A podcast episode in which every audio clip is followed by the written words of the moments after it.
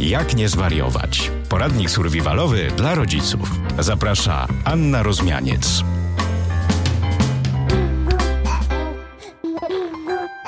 Dzień dobry, witam serdecznie wszystkich w kolejnym odcinku podcastu Jak nie zwariować, czyli poradnik survivalowy dla rodziców.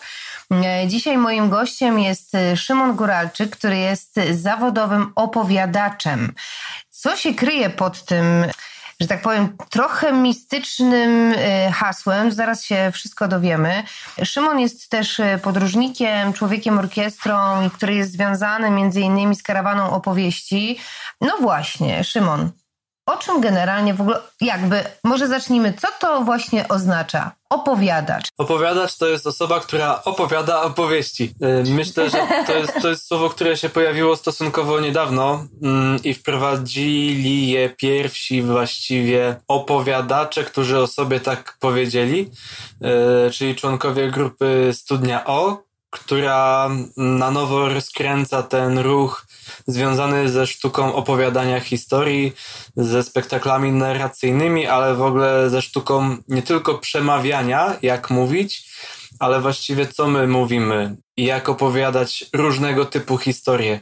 Bo taką, takim znanym terminem jest na przykład bajarz, który opowiada bajki albo baśnie. E, jest też gawędziarz, który może tutaj snuć jakąś historię, gawędę. E, może być też dziad wędrowny, który śpiewa pieśni, które też są opowieściami. I opowiadacz to właściwie jest taka osoba, która opowiada różnego formatu historię. Może zarówno śpiewać, może grać na instrumentach, może opowiadać bajki, może opowiadać poważne mity, może opowiadać historie żartobliwe albo wojenne Mogą to być też opowieści rodzinne, także opowiadacz jest bardzo takim szerokim pojęciem i najprościej mówiąc jest to osoba opowiadająca coś. No właśnie, to coś. Y, generalnie wiem, że y, już gdzieś tam wyczytałam, że generalnie twoja taka główna inspiracja wywodzi się z Tolkiena i gdzieś te mity nordyckie były, że tak powiem, kamieniem węgielnym tego twojego opowiadania, ale e, skąd w ogóle czerpiesz inspirację do, do, do właśnie snucia, snucia opowieści? Najwięcej inspiracji odnajduję w książkach, bo okazuje się, że książki z baśniami, z bajkami teraz wydawane są, są z ładnymi grafikami, e, są, są ładnie napisane, ładnie przygotowane jako książka, jako rzecz. Natomiast jest mnóstwo, mnóstwo, mnóstwo starych książek z bajkami, z baśniami. Y, jest ich tak dużo, że, że właściwie chyba niemożliwe jest, żeby zgromadzić wszystkie u siebie w domu. I tam, tam te historie troszeczkę inaczej czasami wyglądają, te, te grafiki też są, są innego typu y, i treści dawnych historii troszeczkę różnią się od, od opowieści, które teraz się pokazują. I właśnie to mnie też zaciekawiło, że Teraz bajki i baśnie w książkach kierowane są właściwie głównie i jedynie do dzieci, a kiedyś było odwrotnie. Kiedyś te bajki i baśnie z dawna opowiadane skierowane były głównie do dorosłych i, i dzieci mogły słuchać jak gdyby przy okazji. I to też się okazuje w treściach tych starszych książek, że, że wiele opowieści jest e, jakby przeznaczonych dla dorosłych. Głównie w książkach szukam informacji o bajkach, o baśniach, o jakichś kulturach, z których te, te historie pochodzą, bo oprócz opracowania samej opowieści bajki znalezionej w książce, też ciekawi mnie to całe zaplecze kulturowo-wierzeniowe, co tak naprawdę w tej opowieści się dzieje, a oprócz takiego dosłownego pokazania sobie obrazów, o co chodzi w danej historii i dlaczego ona tak została ułożona, a nie inaczej. Więc y, głównie, głównie są to książki, natomiast też y, takimi inspiracjami są dla mnie spotkania z innymi opowiadaczami. To jak oni kolekcjonują swoje historie, w jaki sposób je wybierają i co wybierają i dlaczego, w jaki sposób oni je przedstawiają. Czy chodzi o opowiedzenie historii, która się naprawdę wydarzyła na przykład podczas rewolucji na Wielkim Placu, czy chodzi o historię podopiecznych mm, z różnymi niepełnosprawnościami, czy chodzi o historię pisania własnej pracy maturalnej, czy historię miłosną, czy wielkiego eposu i, i właśnie dobierania narzędzi. Więc też spotkania z opowiadaczami innymi, słuchanie ich, jak oni to robią, jest też wielką inspiracją i czasami też Jak jakaś historia się pojawi od opowiadaczy z zagranicy, którzy coś opowiadali, też pytam czasami o zgodę, czy ja mogę to opowiadać tutaj u nas w Polsce, ale po swojemu i zazwyczaj się zgadzają, bo też yy, o to chodzi z opowieściami, żeby one nie tylko zostały zapisane w książce i już, tylko żeby ludzie je czytali, żeby ludzie je opowiadali, żeby one krążyły i żyły razem z nami i też, żeby przekazywać sobie opowieści, żeby one właśnie nie umarły gdzieś zapomniane. I to też jest taką naszą funkcją. I generalnie wracacie tak naprawdę do takich korzeni, bo tak. kiedyś właśnie w ten sposób wszelkiego rodzaju historie były przekazywane z pokolenia na pokolenie, czy różnego rodzaju y, pieśni i dopiero w jakimś tam momencie były one y, spisywane. To w ogóle jest y, bardzo fajne, żeby właśnie przywrócić, bo też myślę sobie, że y, takie opowiadanie historii jest bardzo fajnym punktem wyjścia w ogóle do budowania relacji, powiedzmy, czy to są rodzice dzieci, nauczyciel dzieci, przedszkolanka, bo powoduje, że dzięki opowieści mamy jakiś element, element wspólny, bo wiem, że jakby jeździsz z tymi opowieściami. Tak, e, jeżdżę, dlatego też nazwa karawana opowieści, mm, ponieważ bardzo dużo podróżuję i po Polsce i za granicę z tymi historiami, które opowiadam.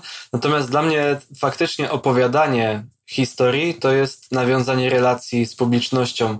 Tu nie chodzi o to, żebym ja miał ładne tło i żebym ładnie się zaprezentował na scenie, to też jest ważne, ale najważniejsze jest to, żebyśmy razem przeżywali historię, żebyśmy weszli w te relacje, widząc to naszymi zmysłami, wyobraźnią, tę historię, która jest opowiadana. I, I ta relacja jest tutaj najważniejsza. Mm, często opowiadacze, kiedy przychodzą do sali teatralnej, proszą o włączenie światła, chociażby małego, na publiczność, żeby widzieć ludzi. Żeby móc ich widzieć. Tak, bo nie umie się często tak wczuć i tak dobrze opowiadać historię, stojąc na scenie i widząc ciemność przed sobą, albo mieć mocne światło w oczy, które trochę też oślepia a nie widząc ludzi i, i zupełnie inaczej, z większym zaangażowaniem opowiada się i przeżywa historię, kiedy się widzi tych, którzy tego też słuchają i którzy też mogą być włączani do tej opowieści na różne sposoby. Więc dla mnie opowiadanie to jest, to, to jest ta relacja. No bo y, właśnie mówisz tutaj o włączaniu. Powiedz mi, czy na przykład jak y,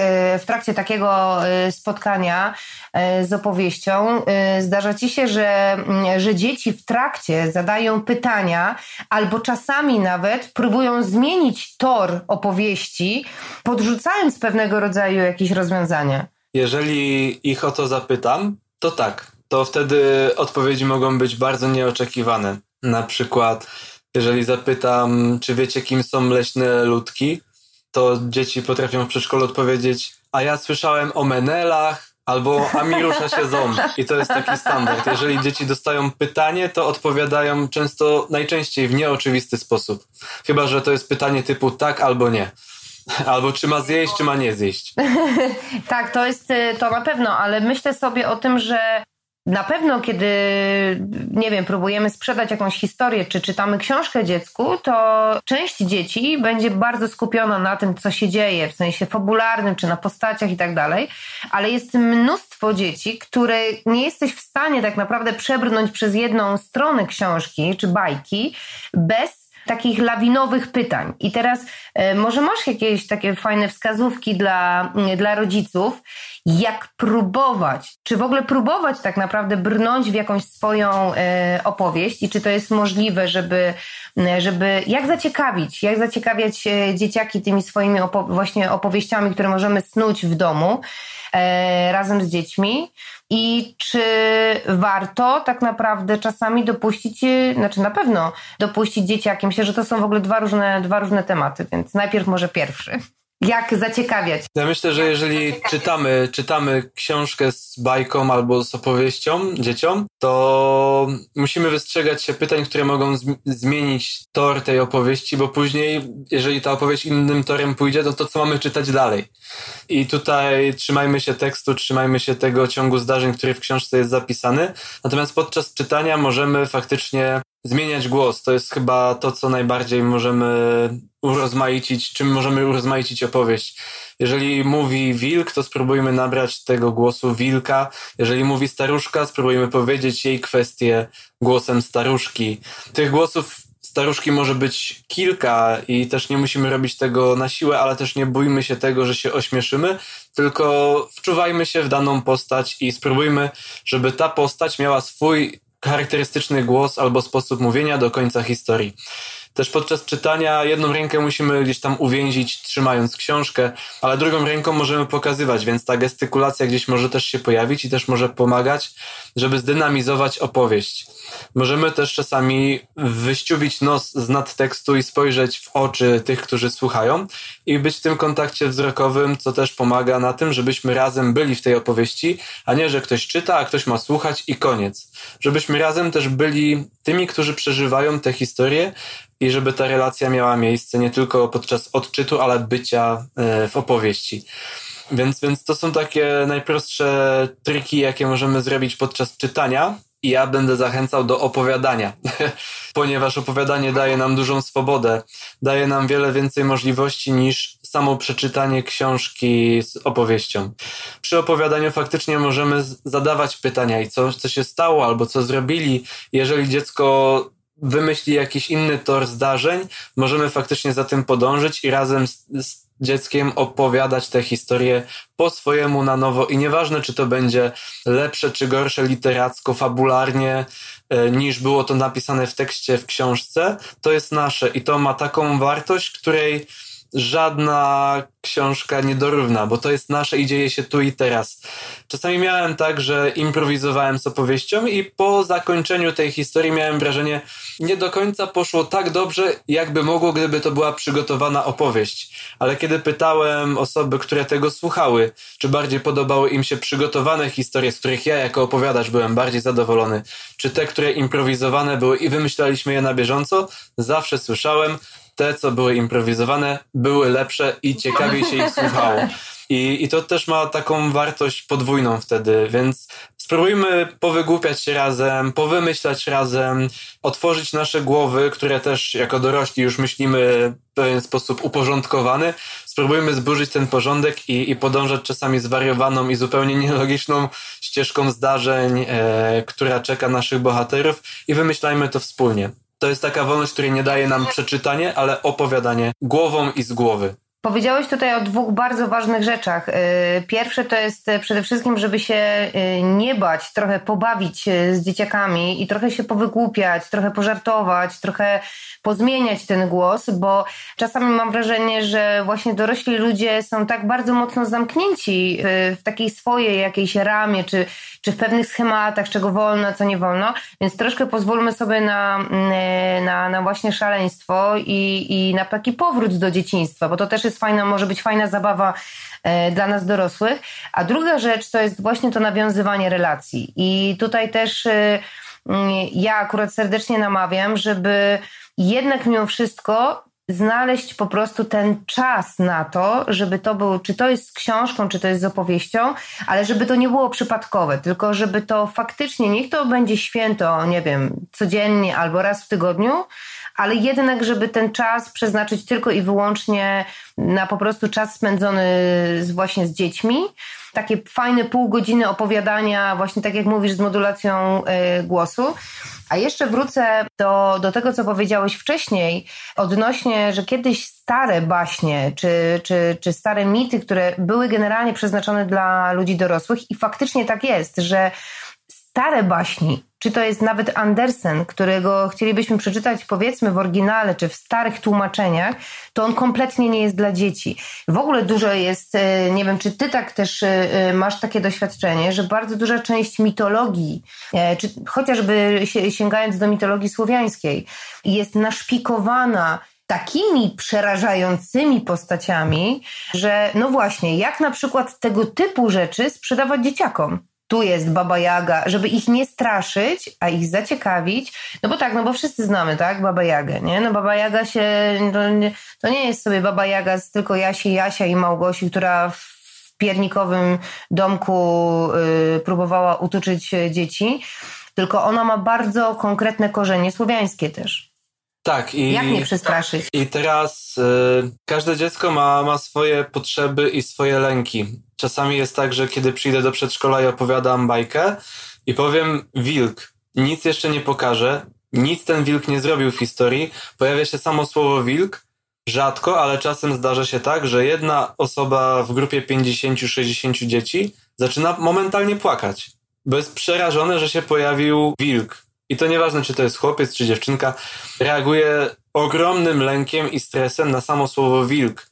Więc wtedy, kiedy widzę, że ktoś się przestraszył samego wilka, już go nie pokażę tak mocno i, i tak, jakbym to zrobił, gdyby ten lęk się nie pojawił, ale jednak pokażę, że ten wilk jest. Nie wycofam tego wilka i nie zmienię tego, co on ma zrobić. Bo też ważne jest to, żebyśmy w opowieściach też przepracowywali pewne emocje, żebyśmy potrafili się wzruszyć. Oswajali też strach. Tak, i czasami panie z przedszkola wtedy popełniają błąd, że takie dziecko, które się trochę przestraszy albo zacznie płakać, jest zabierane na bok i już nie słucha opowieści, tylko jest utulone, bo się przestraszyło. Uważam, że to jest błąd, ponieważ właśnie kiedy dziecko będzie z grupą innych dzieci, które się nie boją i kiedy ten wilk nie na, narasta w tej opowieści, ale jednak zostaje później pokonany, okazuje się, że nie był wcale taki straszny. Więc zostaje przepracowany pewien strach i lęku tego dziecka na rzecz zwycięstwa. I te emocje w procesie dojrzewania małej osoby są ważne. I opowieści też budzą emocje, też się wszyscy wzruszamy, ja też opowiadając wzruszam się, też się śmieję i cieszę, kiedy coś wesołego się wydarzy. Ale kiedy coś się dzieje strasznego, też trzeba się trochę bać i ważne, żeby, żebyśmy my stawiali te granice, co i jak bardzo jest straszne. I znając nasze dzieci, też wiemy, czego one mogą się bać i czego nie, co można im bardziej pokazać, a co mniej. I ja nie jestem fanem opowieści, które są o zabijaniu, o tym, że leje się krew z ran i tak dalej Natomiast jeżeli chodzi o stare opowieści, które są faktycznie trochę brutalniejsze, trzeba się zastanowić, na ile znana i rozumiana jest ta symbolika i co my chcemy powiedzieć. Bo, bo tak jak z tą z babą Jagą. Możemy opowiedzieć historię baby Jagi i dzieci trochę się jej będą bać, a trochę nie. Możemy też wejść inaczej i zmienić opowieść, żeby wytłumaczyć, że baba Jaga wcale nie była zła że to była mądra kobieta, która mieszkała w lesie i znała dobrze ten las i jego mieszkańców, czyli wracamy do tych słowiańskich korzeni, z których wielu dorosłych absolutnie nie zdaje sobie sprawy. Bo wymaga to większego pokopania w tej symbolice i tego, o czym jest ta historia. Więc e, też zależy, jaki mamy cel opowiadając, czy chcemy trzymać się tego, co jest w tekście, czy nie. Ja może trochę wymknę się z tego, o czym teraz rozmawiamy i chciałem powiedzieć o tym jeszcze, jak możemy zaciekawiać dzieci z samym sposobem opowiadania. Wymyślając historię, możemy pomyśleć o jakimś refrenie. Refrenie, czyli powtarzalnej sekwencji słów albo zdań, albo piosence, która prowadzi nas przez opowieść i która sprawia, że razem możemy w tej historii coś śpiewać, razem możemy coś mówić i wtedy jest ta interaktywność opowieści, co niesamowicie ułatwia skupienie się na słuchaniu, na podążaniu za fabułą. My mamy teraz problem ze słuchaniem dłuższych opowieści, więc jeżeli ktoś miałby wymyślać historię z dzieckiem przez pół godziny, może okazać się to być czymś męczącym słuchać historii przez pół godziny.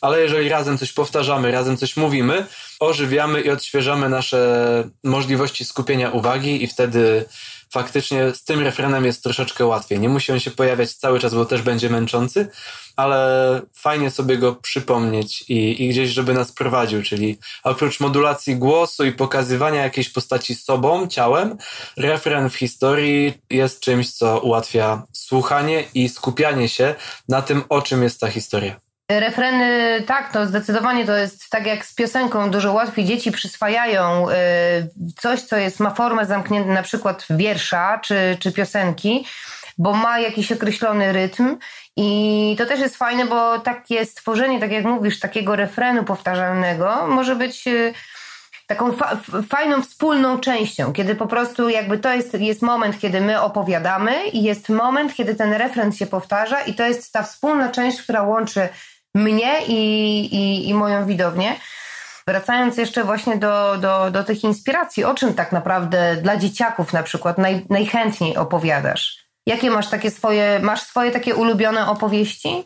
Ja mam bardzo dużo różnych ulubionych historii I ja je często tak dzielę, układając swoje programy z opowieściami, ja sobie je dzielę kulturowo, bo wtedy też mogę ubrać strój jakiś odpowiedni do tego, żeby podkreślić klimat tych historii, albo też zapraszam do współpracy muzyków, e, albo sam gram na różnych instrumentach, które też klimatem często pokazują, jaka jest energia w danej kulturze.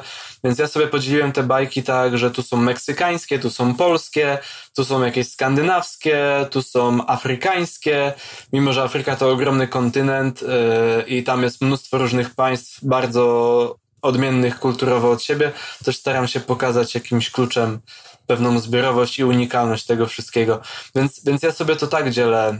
Z tego, co zauważyłem, dzieci młodsze bardzo lubią historie proste i krótkie.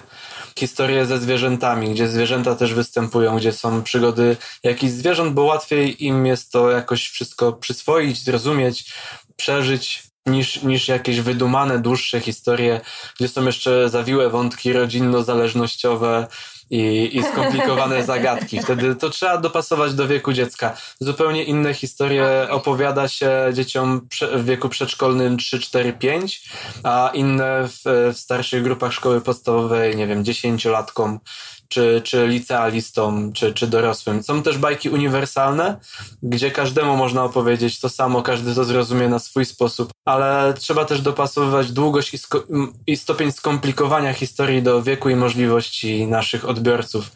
I, I tym najmłodszym dzieciom to ja lubię opowiadać historie właśnie zabawne, gdzieś czasami trochę straszne, gdzie jest też dużo magii, gdzie można też pośpiewać gdzie pojawiają się te refreny, bo, bo wtedy też te dzieci bardzo żywiołowo wchodzą w te historie i reagują na to, co się dzieje. Więc młodszym polecam krótkie historie i też z możliwością pośpiewania czasami razem. A powiedz mi, bo wiem, że dla dorosłych y, też y, prowadzisz w ogóle takie opowieści.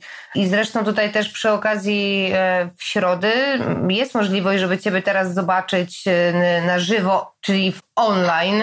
I masz dwa takie spotkania, i tutaj możemy przy okazji też tego podcastu zaprosić, bo to Właśnie chyba na Facebooku, tak? Na karawanie opowieści. Znajdziemy cię? Tak, e, ja wszystkie swoje wydarzenia zawsze umieszczam na, na Facebooku Karawany Opowieści. Natomiast teraz w środę odbędzie się już ostatnia kwarantanna opowieści, czyli spotkania z bajkami online. I, I, spotkanie o 12 jest dedykowane właśnie młodszym odbiorcom, a o 19 bardziej dorosłym. Natomiast z tego co wiem, i dorośli czasami oglądają te bajki, co lecą o 12, a czasami całe rodziny z dziećmi oglądają też te bajki, które o 19 się pojawiają. Bajki są uniwersalne i, i to też jest piękne. Natomiast faktycznie, jeżeli mamy prowadzić spotkanie czy, czy opowiadać przez pół godziny, to też musimy się zastanowić, komu i co chcemy opowiedzieć. I to też jest fajny czas, żeby właśnie spędzić, spędzić go po prostu yy, razem. Tak, bo, bo bajki też, też są takie właśnie międzypokole, międzypokoleniowe i to, to jest coś unikalnego w dzisiejszych czasach, że możemy przyjść na spotkanie mając 25 lat z naszą mamą i z naszą babcią i, i, i wszyscy się dobrze bawią. A jeszcze niektórzy wezmą małe dzieci w wieku 6-8 lat i też dają radę te, te dzieciaki słuchać opowieści dla dorosłych. Więc w ogóle to jest niesamowite, że, że są takie uniwersalne treści w tych magicznych historiach, które porywają i, i sprawiają, że nasze wyobraźnie pracują na różnych poziomach rozumienia tej historii. Ale znajdźmy film, który jest y, dla odbiorców w wieku 6, 25, 40 i 60 lat. No, no, no bardzo mało jest takich produkcji dzisiaj. A bajki takie często są. To prawda. No, opowiadanie generalnie jest y, bardzo fajną, bo to nie tylko, bo tutaj jakby krążymy wokół tematów takich, nazwijmy to literackich, e, czy, czy, czy przypowieści pewnego rodzaju. Ale y, ja też zauważyłam, że bardzo fajną rzeczą jest opowiadanie generalnie na przykład historii rodzinnych, bardzo prostych, jak poznali się rodzice, jak poznali się dziadkowie, skąd babcia pochodzi, skąd dziadek pochodzi, a dlaczego ktoś mieszka tu, a ktoś mieszka tam, czym różni się nie wiem, rejon świętokrzyski od wielkopolskiego. Dlaczego u nas mówi się na to w ten sposób, a w innym rejonie jakoś inaczej? Bo dzięki, mm, dzięki poznawaniu takich historii, ja też widzę, jak dzieci na przykład chętnie słuchają opowieści dziadków. To jest coś niesamowitego, to jest po prostu magia, bo e, zwłaszcza jeszcze jeśli mm, dziadkowie, nie wiem, pochodzą z terenów wiejskich, gdzie pojawiają się na żywo zwierzęta, traktory, to już w ogóle jest jakiś cudowny, magiczny, magiczny świat. I do takiego też opowiadania bardzo, bardzo zachęcam, bo, bo myślę, że każdy z nas właśnie rodzinnie niesamowitą jest kopalnią do jakby pomysłów i, i tematów. I też taką fajną, fajnym przyczynkiem do może takiego opowiadania są stare albumy. Bo wiem, że też jakby zbierasz takie różne historie rodzinne. Właśnie z tymi rodzinnymi historiami mniej na razie działam, działam bardziej gdzieś wokół książek, wokół mitów, wokół właśnie systemów wierzeń i symboli, a do tych historii rodzinnych tak się powoli przymierzam, bo dużo zależy od tego, ja się zgadzam absolutnie z tym, co powiedziałaś, że jest to po pierwsze ważne, a po drugie szalenie ciekawe. I to nie tylko na zasadzie różnicy wieś-miasto, ale w ogóle świat, w którym żyli nasi rodzice, to zupełnie inna rzeczywistość niż, niż my żyjemy. A dziadkowie to w ogóle jakaś, jakiś kosmos, to, to jest inny wymiar.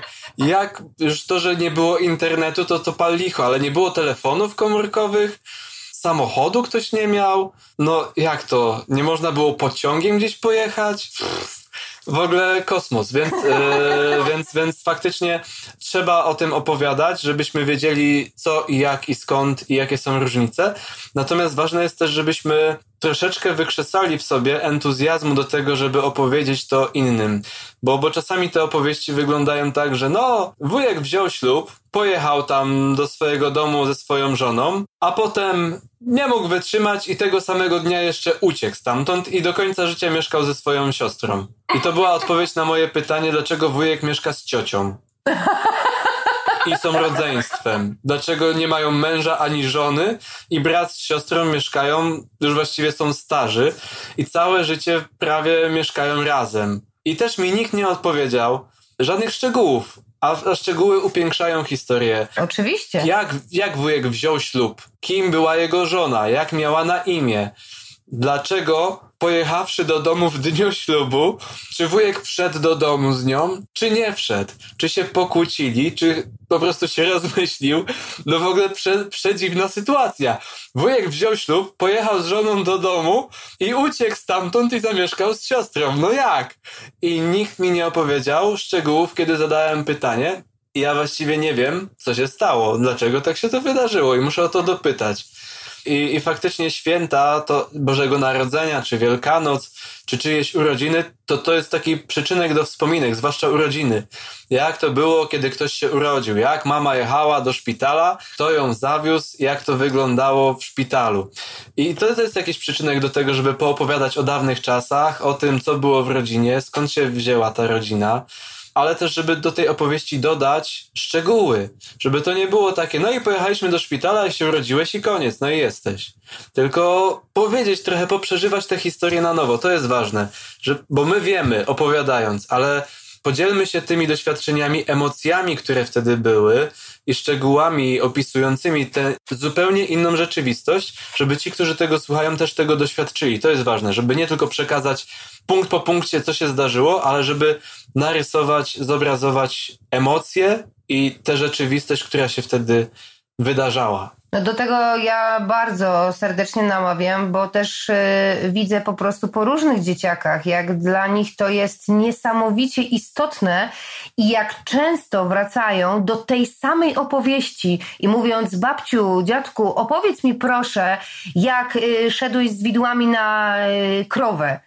I to jest coś, co po prostu potrafi tak mocno utkwić. I to też jest fajne, bo że za każdym razem, kiedy wracamy do tej samej historii, ta historia tak naprawdę na nowo ożywa i na nowo dodawane są pewnego rodzaju szczegóły i ona się gdzieś cały czas, y, cały czas y, tworzy. E, I to jest właśnie to, y, od czego trochę wyszliśmy, czyli o tego przekazywania takich opowieści z pokolenia na pokolenie. Bo jeśli my nie przekażemy swoim dzieciom, czy nasi dziadkowie nie przekażą naszym dzieciom tego, no to te historie zostaną zapomniane, a szkoda, bo czasami potrafią być bardzo, bardzo y, interesujące. A jeszcze może podsuniesz, y, że tak powiem, rodzicom teraz w trakcie tak zwanej kwarantanny, nie chodzimy do, dzieci nie chodzą do szkół, pracujemy w domu, bo to też myślę, że jest bardzo, faj, bardzo fajnie, działa rozwojowo na, na przykład na dzieciaki. To znaczy, jak zachęcić aby dzieci tworzyły swoje opowieści, żeby to nie było na. Bo mój młodszy syn na przykład opowiada, no jest mały, ale opowiada, jest. Będzie to y, y, spektakl o koniu i mrówce. Wychodzi i mówi: Jest koń, jest mrówka, koniec, brawa. Jak zachęcić dzieci, żeby one tworzyły, żeby szukały pewnego rodzaju powiązań między postaciami, czy, czy jakie ubarwiały. Jeżeli na przykład y, twój syn chce opowiedzieć o koniu i mrówce i wychodzi i mówi, był koń i mrówka, koniec. To, to wtedy, jeżeli to był jego pomysł, co jest super, to, to ja bym zadawał pytania, żeby poprowadzić przez jego opowieść, ale żeby pomagać ją rozwinąć. I można zapytać, a gdzie mieszkał koń, gdzie mieszkała mrówka? Czy byli przyjaciółmi, czy się znali, czy się nie znali? Czy koń coś powiedział do mrówki. I wtedy on, on wy, wyjaśnia sytuację, wymyślając ją, a my po prostu podsuwamy mu tor, przebieg zdarzeń pytaniami, czyli zadawanie bardzo prostych pytań. A dlaczego? Albo, a gdzie to było? Czy coś się tam znajdowało, żebyśmy dokładali kolejne klocki, ale żeby klocki wybierało dziecko? A my gdzieś tam próbujemy to, to ułożyć w jeden obraz, żeby ta historia do czegoś tam doszła, czy, czy żeby na, trzy takie tory najprostsze to to jest wprowadzanie pytań dotyczących akcji. Jeden, y, drugi tor to jest wprowadzanie opisów, czyli co widzimy w danym miejscu, co się tam znajduje, a trzeci emocje, czyli jak czuł się koń. Czy tego dnia konia bolała głowa, czy był wesoły, czy był smutny czy koń miał jakieś marzenie, jakie to było marzenie, czy chciał je zrealizować, czy nie. Czy koń złamał nogę? Dziecko może powiedzieć tak. No to w jaki sposób koń złamał nogę? Co robił? No kopnął mrówkę. no i, i wtedy, wtedy pod, podsuwajmy pytania. Więc, więc to, to jest tak. Można też pokazać obrazek i spróbować, żeby obrazek rozwinąć do opowieści, co już jest trochę trudniejsze. Są też takie kostki Story Cubes, gdzie są obrazki na kostkach, też możemy rzucić i spróbować z tego poskładać razem opowieść. Ty opowiadasz jeden obrazek, ja opowiadam drugi i to się jakoś łączy ze sobą w jedną historię. Mm, także, także, ale pytanie to jest najprostsze, zwłaszcza dla małych dzieci, żeby coś powiedziały, i dołożyły do tej historii, żeby zaczęły się bawić w rozwijanie opowieści, a nie powiedzenie tylko czegoś. Tak samo jak, jak mamy kartkę i mówimy dziecku, to narysuj coś. I dziecko narysuje kreskę i powie, to jest drzewo, skończyłem. No ale coś jeszcze. I wtedy zadając pytania, a co znajduje się koło tego drzewa? No śnieg, a co jest pod śniegiem? No trawa, no to może narysuj taką trawę pod śniegiem. No dobra, cyk, cyk, cyk. A czy na tej trawie są kwiatki? No to narysuj kilka kwiatków. I wtedy też zadając pytania do obrazka, który niby już był skończony, nagle okazuje się, że ten obrazek się zaczął i, i się rozwija. Ale to fajny pomysł, taka trochę yy, śmieje się opowieść kontrolowana, to znaczy zadajemy pytania, aczkolwiek ona jest w ogóle niekontrolowana, dlatego że to, co powiedziałeś na początku, odpowiedzi dzieci są tak dalece, potrafią być zaskakujące i odmienne od naszych, że w ogóle to jest też fajne takie robienie takiej opowieści równoległej. Zadaję pytanie, i dokąd doprowadzi moja opowieść, a dokąd doprowadzi opowieść dziecka. To też są dwa, dwa różne światy, ale być może tego typu zadawanie pytania i prowadzenie opowieści też pozwoli nam poznać nasze dziecko. To znaczy, jeśli mówimy, a skąd jest ten koń, albo co ten koń robi, to też poznajemy tak naprawdę jego zainteresowanie i jego umiejętność postrzegania świata, bo na zupełnie innego rodzaju szczegóły zwróci uwagę, niż na przykład zwrócilibyśmy y, my dorośli.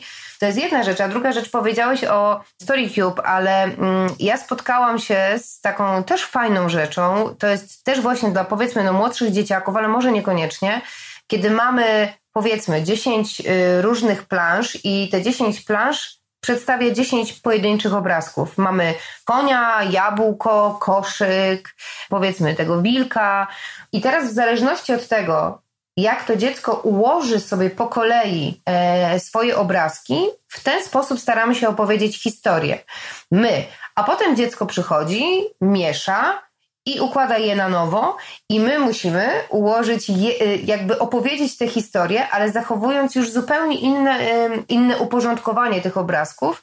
I to też jest bardzo, bardzo rozwijające i e, bardzo też kreatywne dla, dla rodziców, no bo w teorii znamy wszyscy na przykład opowieść o czerwonym kapturku, ale jak opowiedzieć trzy razy tę samą opowieść, ujmując ją kompletnie inaczej, przyczynowo-skutkowo i fabularnie inaczej ją rozwijając na przykład, nie? Tak, tak, tak. To jest bardzo fajny pomysł i, i też e, to, co może nam pomóc przy tego typu zabawie, to jest właśnie, żebyśmy my jako dorośli pozbyli się tego strachu, że coś będzie głupie, że coś będzie nielogiczne, że, że coś trzeba zmienić, a przecież zawsze było tak. Nie bójmy się tego i właśnie idźmy w to, bo wtedy ta zabawa jest jeszcze lepsza.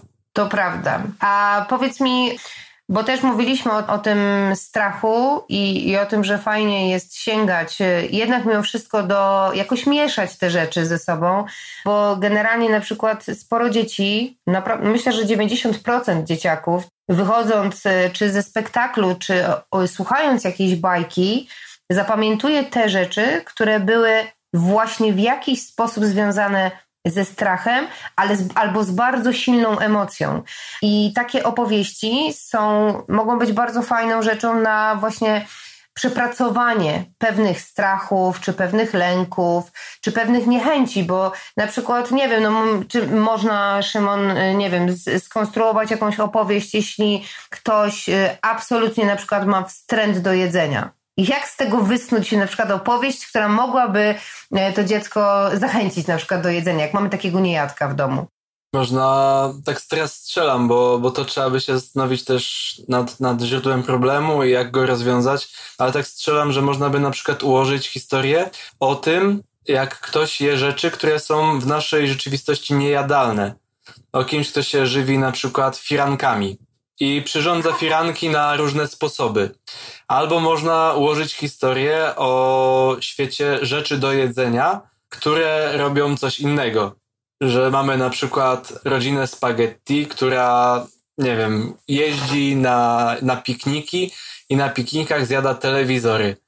Albo świat warzyw i owoców, zwierząt, które zjadają plastik, albo zjadają drzewa, albo zjadają piasek i kamienie. Coś chcę spróbować zmienić w tej historii, żeby to jedzenie stało się bohaterem opowieści, albo żeby doprowadzić sytuację do takiego absurdu, że to będzie śmieszne i wtedy przez ośmieszenie zmniejszać lęk. Nie wiem, co na to psychologowie, ja bym spróbował od tego. Ale chciałam powiedzieć, że w ogóle trafiasz trochę y, w sedno, bo może dla nas, dla nas dorosłych może się to wydawać dziwne i momentami właśnie takie głupkowate trochę, ale jak ja zadaję swojemu synowi pytanie, co jadłeś dzisiaj, kochanie, na obiad w przedszkolu, to on bardzo często odpowiada mi, y, samochody, klocki, patrzy przez okno i to, co spotka na swojej drodze, drzewa, krawężniki, chodniki i on tak wymyśla. Jeszcze y, może raz usłyszałam odpowiedź, że to po prostu była nudna, nie wiem, zupa jarzynowa czy coś takiego, tylko za każdym razem opowiada właśnie takim, w taki sposób, nie wiem, być może oswajając jakoś, jakoś to jedzenie. A powiedz mi, wolisz y, opowiadać dla dzieci czy dla dorosłych? Czy to nie ma znaczenia? To zależy. To, to, to ma znaczenie i to, to zależy. Też yy, powiedzmy w tej branży, bo, bo jakoś tym opowiadaniem związałem swoją drogę i, i swoje życie, że, że oprócz tego, że była to moja pasja, to też stała się moim sposobem na życie i, i źródłem utrzymania.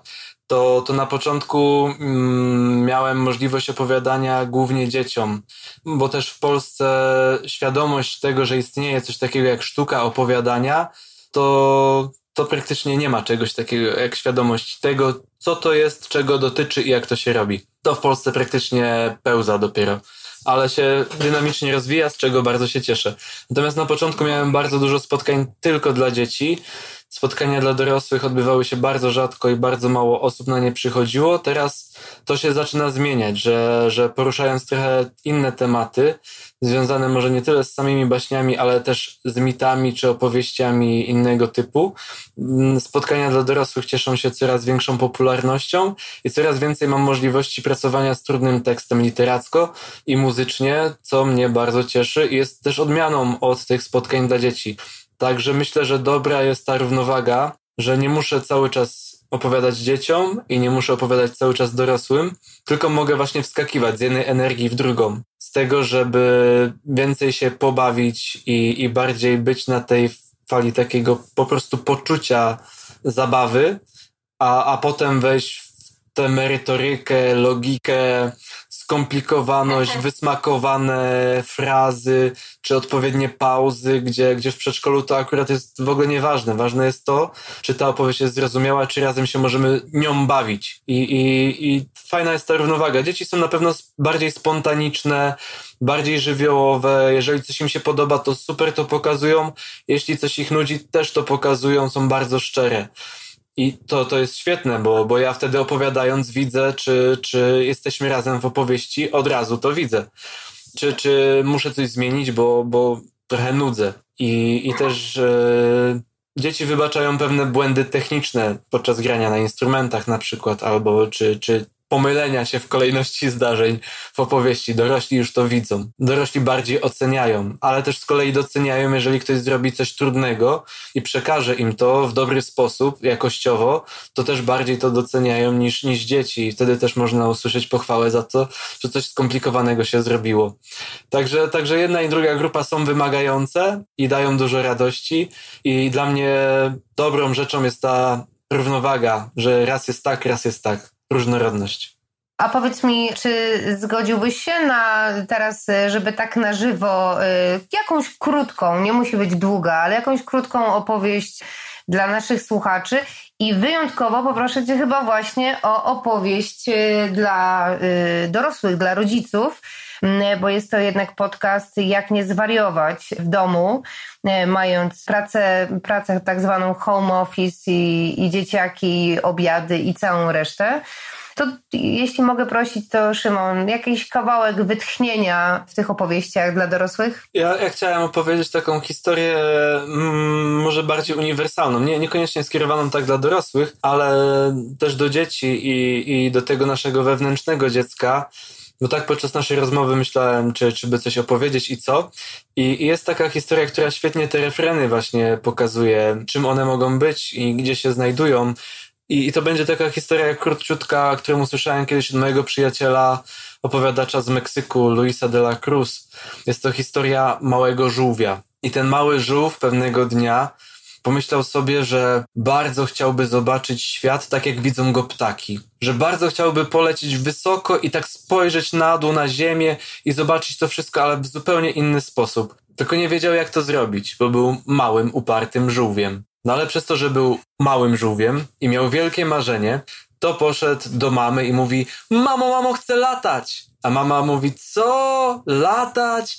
Przecież wszyscy wiedzą, że żółwie nie latają. Ale to był bardzo uparty mały żółw, więc następnego dnia, kiedy znowu pomyślał sobie, że chciałby latać jak ptak, że chciałby inaczej spoglądać na świat, poszedł do mamy i mówi: Mamo, mamo, chcę latać.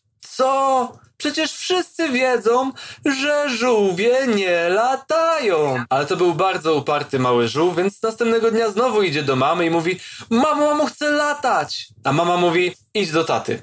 Więc żółw poszedł do taty i mówi: Tato, tato, chcę latać. Co? Latać? Przecież wszyscy wiedzą, że żółwie nie latają.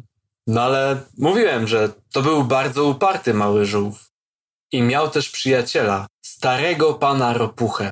Więc poszedł do niego zmartwiony i mówi: Panie Ropucho, tak bardzo chciałbym latać. Co? Latać? Oj, to będzie bardzo trudne, bo przecież wszyscy wiedzą, że żółwie nie latają. Ale jeśli będziesz cierpliwy i będziesz przychodził do mnie każdego dnia, być może tobie, być może tobie się to uda. I pan ropucha wystawił swój wielki, długi język, a na końcu tego języka było malutkie piórko. I ten mały żółw przypiął sobie te piórko. I potem, następnego dnia znowu przyszedł, i następnego dnia znowu przyszedł, i następnego, i tak chodził przez tydzień, przez drugi, przez miesiąc, przez kilka miesięcy chodził do pana ropuchy, aż cały mały żółw był obklejony tymi piórkami, i pan ropucha powiedział: Spróbuj teraz, mały żółwiu.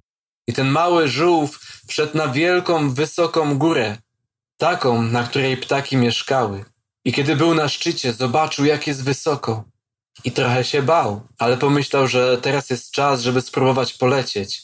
I zaczął zbiegać w dół i zbiegał i zbiegał, a potem podskoczył i machał, i machał, i machał, i machał.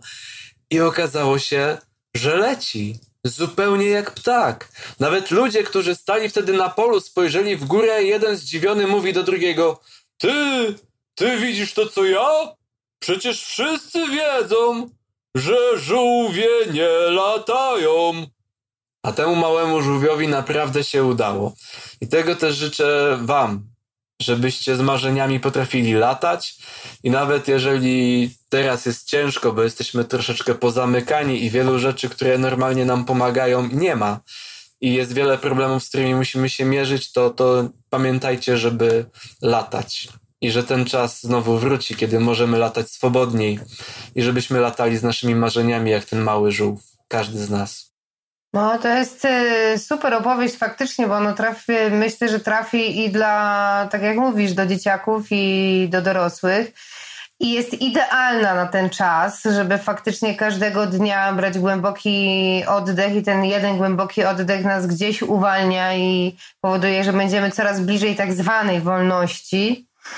Powiedz mi, czy na zakończenie poleciłbyś może jakąś, czy to książkę z opowieściami, bo mówisz, że szukasz fajnych rzeczach, e, fajnych rzeczy w, właśnie w literaturze, albo dla dzieci, albo dla dorosłych. Ja myślę, że takim ciekawym zbiorem, gdzie są opowieści zarówno dla dzieci i dla dorosłych, to, to są baśnie z dalekich wysp i lądów e, autorstwa pani Markowskiej, albo świetny, świetny zbiór Dar rzeki Fly, pisane fyly y na końcu.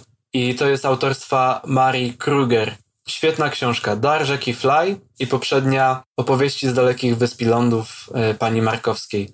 Bardzo, bardzo polecam, bo tam jest wiele pięknych, bardzo różnych historii. Super. I to może stać się też taką inspiracją do tworzenia wspólnych opowieści już y, w naszych e, małych domkach. A ja też jeszcze tak sobie, mm, jak e, mówiłeś, rozmawialiśmy o e, różnych mitach i, i, sięganiu do takich e, dawnych rzeczy, przypomniał mi się spektakl, na który też serdecznie zapraszam. On oczywiście, jak już będzie możliwość, miejmy nadzieję, gdzieś tam od września, spektakl, który nie wiem, czy Szymon widziałeś w Teatrze Animacji opowieści z niepamięci w reżyserii Duda Pajwy. Widziałeś może? Jeszcze nie widziałem. To też bardzo Ci serdecznie polecam, bo to jest spektakl, który jest niesamowicie magiczny, jest momentami bardzo przerażający. On opiera się właśnie na mitologii prasłowiańskiej i mamy tam dosyć przerażające postaci, bo y, których dzieci mają prawo się bać, bo są, jest tam i właśnie stara baba i, i jędza. E, on też wywołał bardzo dużo takich e, różnych emocji wśród nauczycieli, którzy niekoniecznie polecali ten spektakl, natomiast rodzice, którzy przychodzili z dziećmi, absolutnie w ogóle wszyscy mówili, że to jest, ja zresztą też uważam, że to jest świetny spektakl, który właśnie pozwala pokazać też, znaczy pokazuje dzieciom po pierwsze pewnego rodzaju brzydotę, a po drugie też pozwala się dzieciom bać. Także my się nie bójmy opowiadać, ale czasem pozwólmy się dzieciom bać. Szymon, bardzo Ci dziękuję w ogóle za, za tę rozmowę. Bardzo dziękuję Aniu też za rozmowę, za, za ten czas. Dzięki. Także pozdrowienia dla wszystkich. Dziękujemy i do usłyszenia przy okazji następnego podcastu. To był poradnik survivalowy dla rodziców Jak nie zwariować. Producentem podcastu jest Estrada Poznańska. Więcej na estrada.poznan.pl